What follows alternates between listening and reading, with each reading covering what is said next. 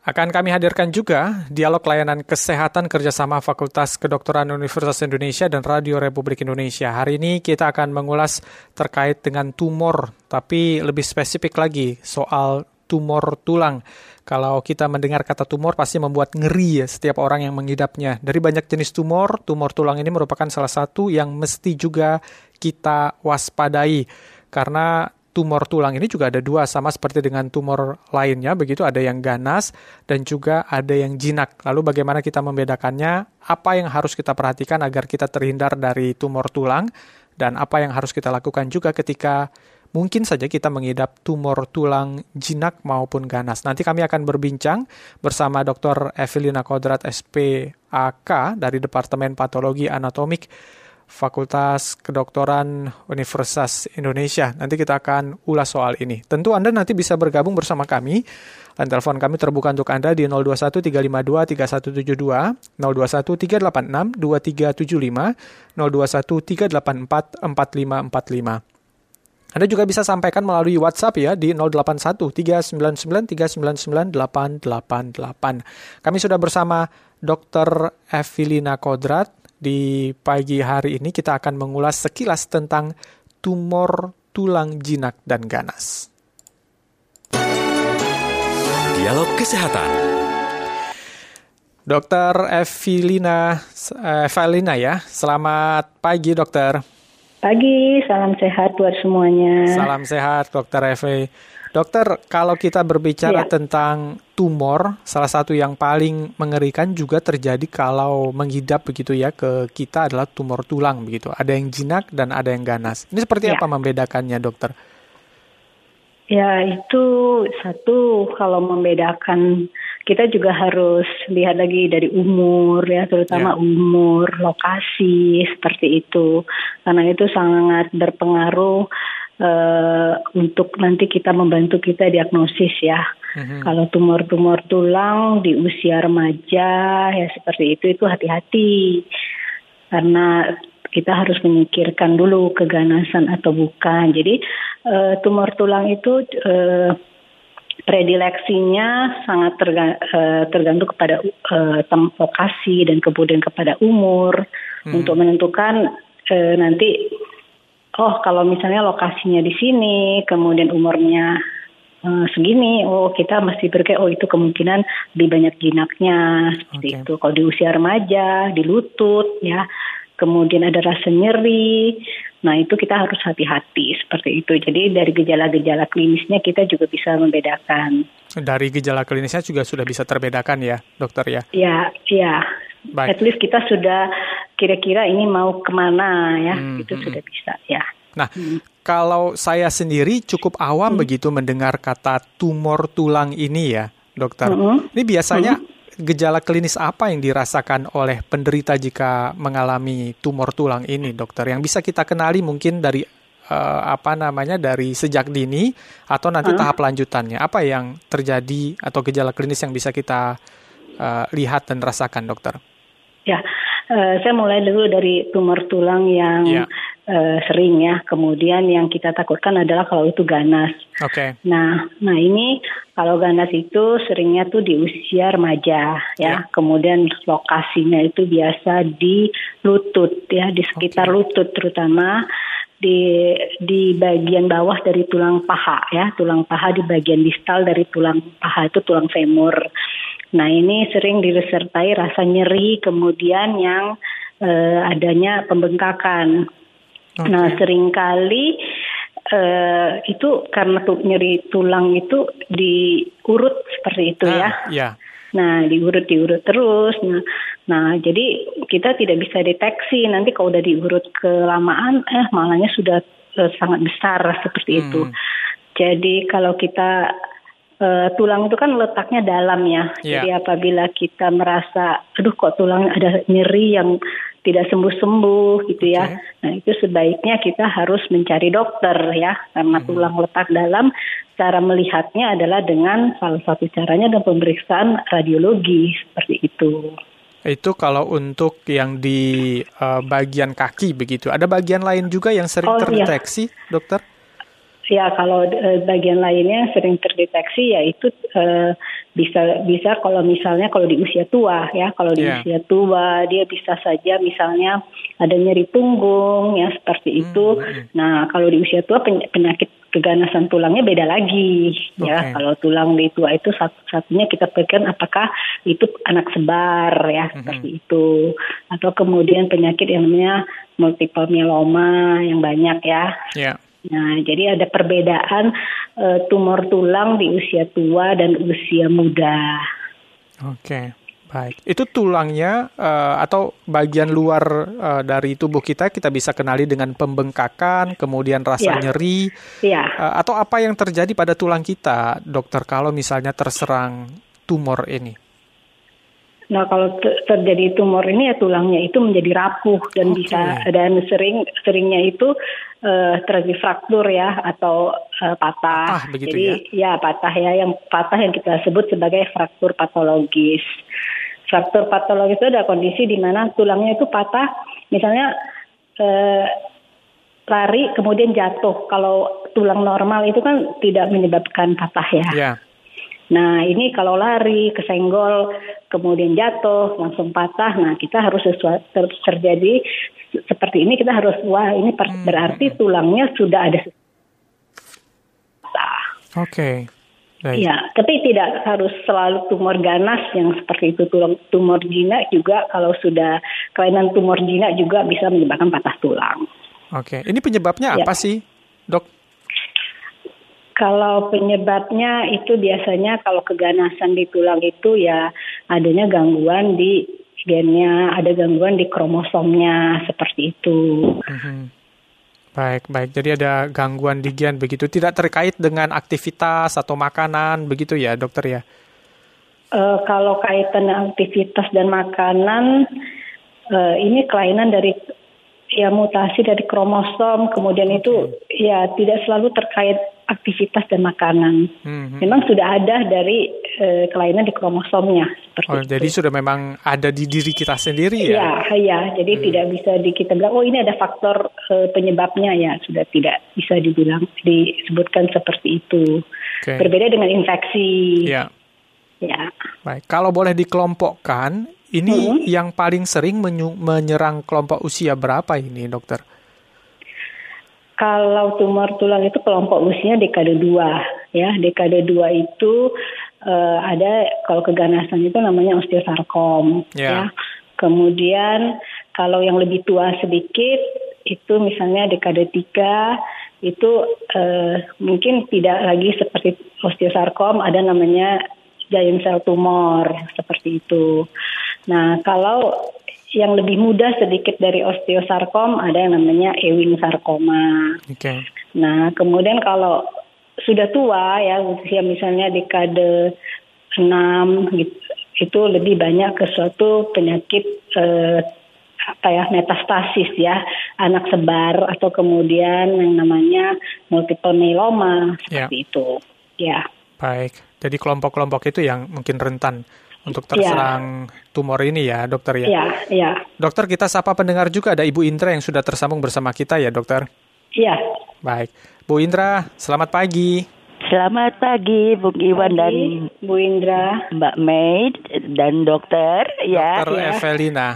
Oh ya, Assalamualaikum Dokter Evelina. Waalaikumsalam Bu Indra. Silakan Bu Iya. Indra pertanyaannya.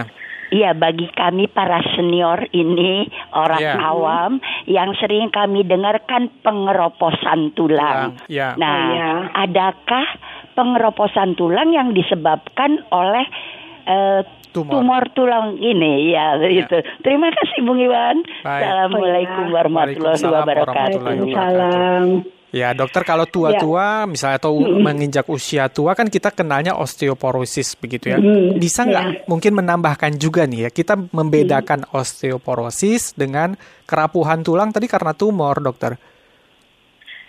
Ya, ini kan dua dua mekanisme yang berbeda ya. Ya. Kalau eh, osteoporosis itu biasanya terjadi mungkin karena biasa tua yang eh, sudah menopause Ya. seperti itu ya. Nah, sedangkan kalau tumor tulang itu kan ini jadi dua penyebab yang berbeda seperti Oke. itu. Jadi tidak bisa bilang oh apakah nanti tumor tulang dapat menyebabkan osteoporosis. Yaitu mekanisme yang berbeda eh, untuk menghubungkannya susah seperti itu. Hmm, hmm. Jadi mekanisme yang berbeda satu penyebabnya karena kelainan metabolit, yeah. satu ya memang karena eh, neoplasma tumor seperti itu. Baik. Jadi berbeda jalurnya. Berbeda jalurnya ya. Iya. Uh -uh. Dokter, kalau kita melihat karena ini ber, terjadinya kan di tulang begitu ya. Tulang tadi dokter sudah menyebut bagiannya jauh. Nah, kalau untuk mengetahui dan memeriksa begitu apakah ini tumor, apakah ini hmm. jinak atau ganas, hmm. berarti harus ada pembedahan lagi atau seperti apa, dokter? Bagaimana mekanisme kita bisa oh, tahu uh, bahwa itu jinak atau ganas, dokter? Ya. Ya, kan diawali dari uh, gejala yang ada ya. ya. Jadi seorang itu akan mencari datang ke dokter karena ada gejala ya okay. gejala oh, nyeri atau kemudian ada pembengkakan. Nah kemudian itu datangnya harus ke dokter yang tepat seperti dokter uh, ortopedi ya, yeah. kemudian dokter ortopedi. Kalau tersangka nanti adanya tumor, nanti akan di refer ke dokter ortopedi yang khusus untuk menangani tumor atau yeah. ortopedi onkologi. Nah, dari kumpulan gejala-gejala itu kemudian akan dilakukan pemeriksaan radiologi. Oke. Okay. Ya, nah dari pemeriksaan radiologi ini, dari gambaran yang ada itu eh, sudah mempunyai diagnosis banding. Ya, ini ke arah mana, ya. dari lokasi, dari umur, ya. Kemudian untuk mempertajam itu dapat dilakukan dengan pemeriksaan biopsi jarum okay. ya atau namanya biopsi inti atau core biopsi oh, seperti itu. Okay. Ya, nanti jaringannya diambil, kemudian yeah. dilakukan pemeriksaan uh, patologi anatomi, atau patologi baik. ya. Nanti baik. kalau terbukti jinak mm-hmm. uh, punya alur tersendiri apakah langsung dioperasi untuk mengangkat yeah. nah, Kemudian kalau terbukti ganas, ganas. nah ini mempunyai uh, protokol tersendiri. Baik. Seperti baik. itu protokolnya itu beda antara jinak dan ganas. Baik. Seperti itu. Dokter ya. kita jeda sekilas begitu ya karena ada ya. informasi ya. yang akan disampaikan oleh ya. rekan-rekan ya. kami di ruang gatekeeper. Sebentar dokter jangan diputus dulu. Ya. Kilas Berita.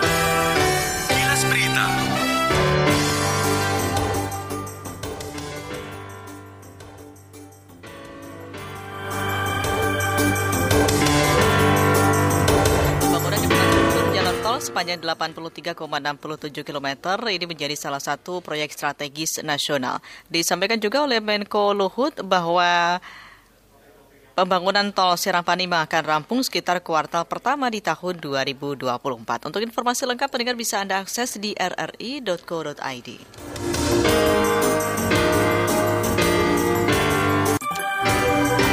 Kilas Berita Pro 3, Jaringan Berita Nasional. Bagi Anda yang baru bergabung bersama kami, kami bersama Dr. Evelina Kodrat SPAK dari Departemen Patologi Anatomi kita mengulas soal tumor tulang, jinak, dan ganas. Nah dokter, kalau seseorang difonis ya. mengalami tumor jinak ataupun ganas, ini bisa hmm. disembuhkan atau hanya dikurangi gejalanya dokter? Ya, Uh, kalau uh, kan tadi kalau tumor jinak dan tumor tulang itu punya uh, tata laksana yang berbeda. Yeah. Nah ini uh, kalau ditemukan dalam stadium dini ya itu uh, ya bisa disembuhkan. Kalau tumor jinak uh, setelah dilakukan terapi ya kalau nama jina kan dia tidak akan berulang ya yeah. seperti itu ataupun berulang kemudian dilakukan tindakan operasi uh, berikutnya itu juga nanti akan sembuh ya. Nah kalau tumor tulang ditemukan dalam stadium dini dengan kemudian menjalani terapi yang sesuai yeah. itu bisa disembuhkan. Nah ini sekarang e, pengobatan tumor tulang itu sudah e, sangat berkembang ya. Okay. Jadi sehingga sangat diusahakan itu untuk e, dipertahankan ya hmm. tidak langsung diamputasi seperti okay. itu. Oh jadi ya. bisa tahap lebih lanjut bisa diamputasi ya dokter? Ya, kalau itu sudah tidak bisa dipertahankan lagi, Oke. misalnya tumornya sudah sangat besar, Ya. sudah ada keterlibatan pembuluh darah, keterlibatan saraf, ya seperti itu. Nah itu nanti ada eh, penilaian-penilaian tertentu, ya ini masih bisa dilakukan limb salvage atau kita mempertahankan ekstremitasnya, atau kalau sudah sangat besar itu sudah tidak bisa lagi, ya memang udah indikasinya untuk dilakukan amputasi seperti Baik. itu. Itu Ya. makanya kita harus melakukan pemeriksaan lebih dini ya, dokter ya. Ya, dilakukan pemeriksaan tahap dini. Oh, Baik. Kalau tidak nanti uh, ya begitu ujungnya bisa amputasi. Berarti Kan, ini iya. bisa menyebar ke mana-mana juga ya, dokter ya. Ya, ya, salah satu sifat tumor ganas ya selain dia merusak atau mendestruksi di area lokalnya juga bisa bermet, eh, ber, apa ya, bermetastasis ya juga bisa menyebar seperti ke paru seperti Ya. itu yang sering itu ke paru. Baik. Dan ini pemeriksaannya, kemudian juga pengobatannya sudah bisa hampir dilakukan di seluruh Indonesia atau baru di tempat-tempat tertentu saja, dokter? Nah, kalau untuk penatalan tumor tulang itu eh, di- harus dilakukan secara komprehensif. Ya. Jadi itu sistem rujukan. Mhm. di mana untuk penata laksanaan harus ada tim. Tim itu ada tim yang di awal itu adalah dari klinis, kemudian ada radiologi, dan kemudian ada pemeriksaan eh, histopatologi, patologi anatomi, kemudian nanti setelah selanjutnya ada pemberi, eh, penata selanjutnya apakah nanti ada perlu terapi kemoterapi, kemudian apakah eh, eh, radiasi dan kemudian nanti ada untuk mengembalikan fungsinya dengan rehabilitasi medik seperti itu. Jadi itu suatu eh, rangkaian terapi yang eh, lengkap ya. Jadi tidak bisa setengah-setengah seperti itu. Nah ini maka sangat berlaku sistem di mana dirujuk ke rumah sakit yang punya tim. Oke, jadi itu. harus dilakukan seperti itu ya. Karena Ya. eh, tadi banyak pendengar-pendengar kita juga yang eh, berkomentar soal jika ada misalnya benjolan di luar, terasa Hmm. nyeri, itu tadi yang dokter bilang, malah bukan dibawa ke rumah sakit, ini malah dipijat begitu ya, Ya, atau diurut dilakukan ya. urut Mm-mm. begitu ya. Iya. Ini Mm-mm. tentu akan memperparah atau seperti apa, dokter? Ya, kalau diurut eh, itu kan nanti minggu ini urut, minggu depan urut, minggu Ya, berikutnya urut. Jadi berkala itu begitu ber- terus- bertambah terus. lama ya. Mm-mm. Kemudian eh, proses urut itu nanti takutnya itu malah kalau tumornya eh, sudah sangat besar Oke. itu nanti kemudian malah eh, adanya apa ya sehingga membuatnya eh, menjadi tambah bengkak seperti Oke, itu. itu yang ditakutkan Karena ya. iya, karena kan pengobatannya bukan itu kalau tumor Hmm. ya. Kalau tumor bukan dengan cara diurut bukan. Seperti itu. Baik. Jadi bukan bukan dengan eh, cara terapi yang sebenarnya. Baik, baik.